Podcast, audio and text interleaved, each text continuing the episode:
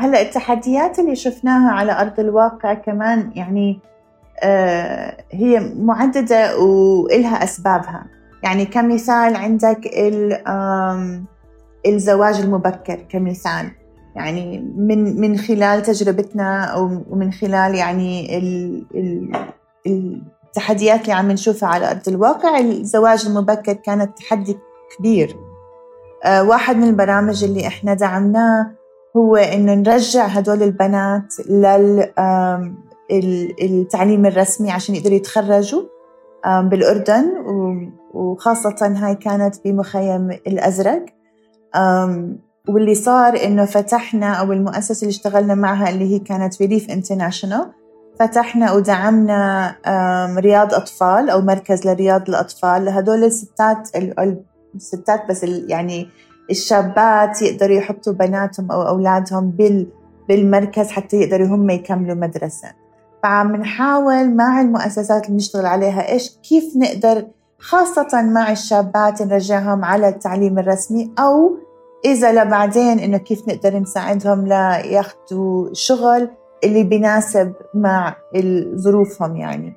الإشي الثاني اطلعنا على عمالة الأطفال ال child labor هاي كمان كانت عم بتزيد خاصة بعد كورونا عشان الفقر زاد يعني.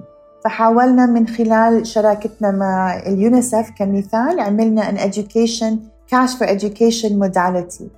واشتغلنا مع الأهالي. كثير كان مهم إنه مش بس نشتغل مع الطلاب ومع المؤسسة بس الأهالي كثير مهم إنه يعرفوا قديش توعية التعليم قد هو مهم لأطفالهم.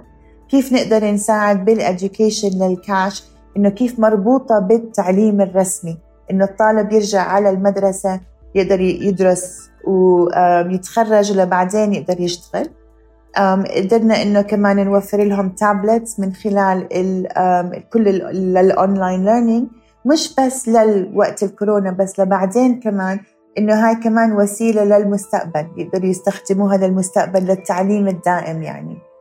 الإشي الثالث هو اللغة الإنجليزية. هاي كانت كتير كبيرة خاصة بلبنان بصف التاسع للبريفيه. عشان إذا الواحد ما بيقدر إنه ينجح بالبريفيه ما بيقدر إنه يكمل لبعدين.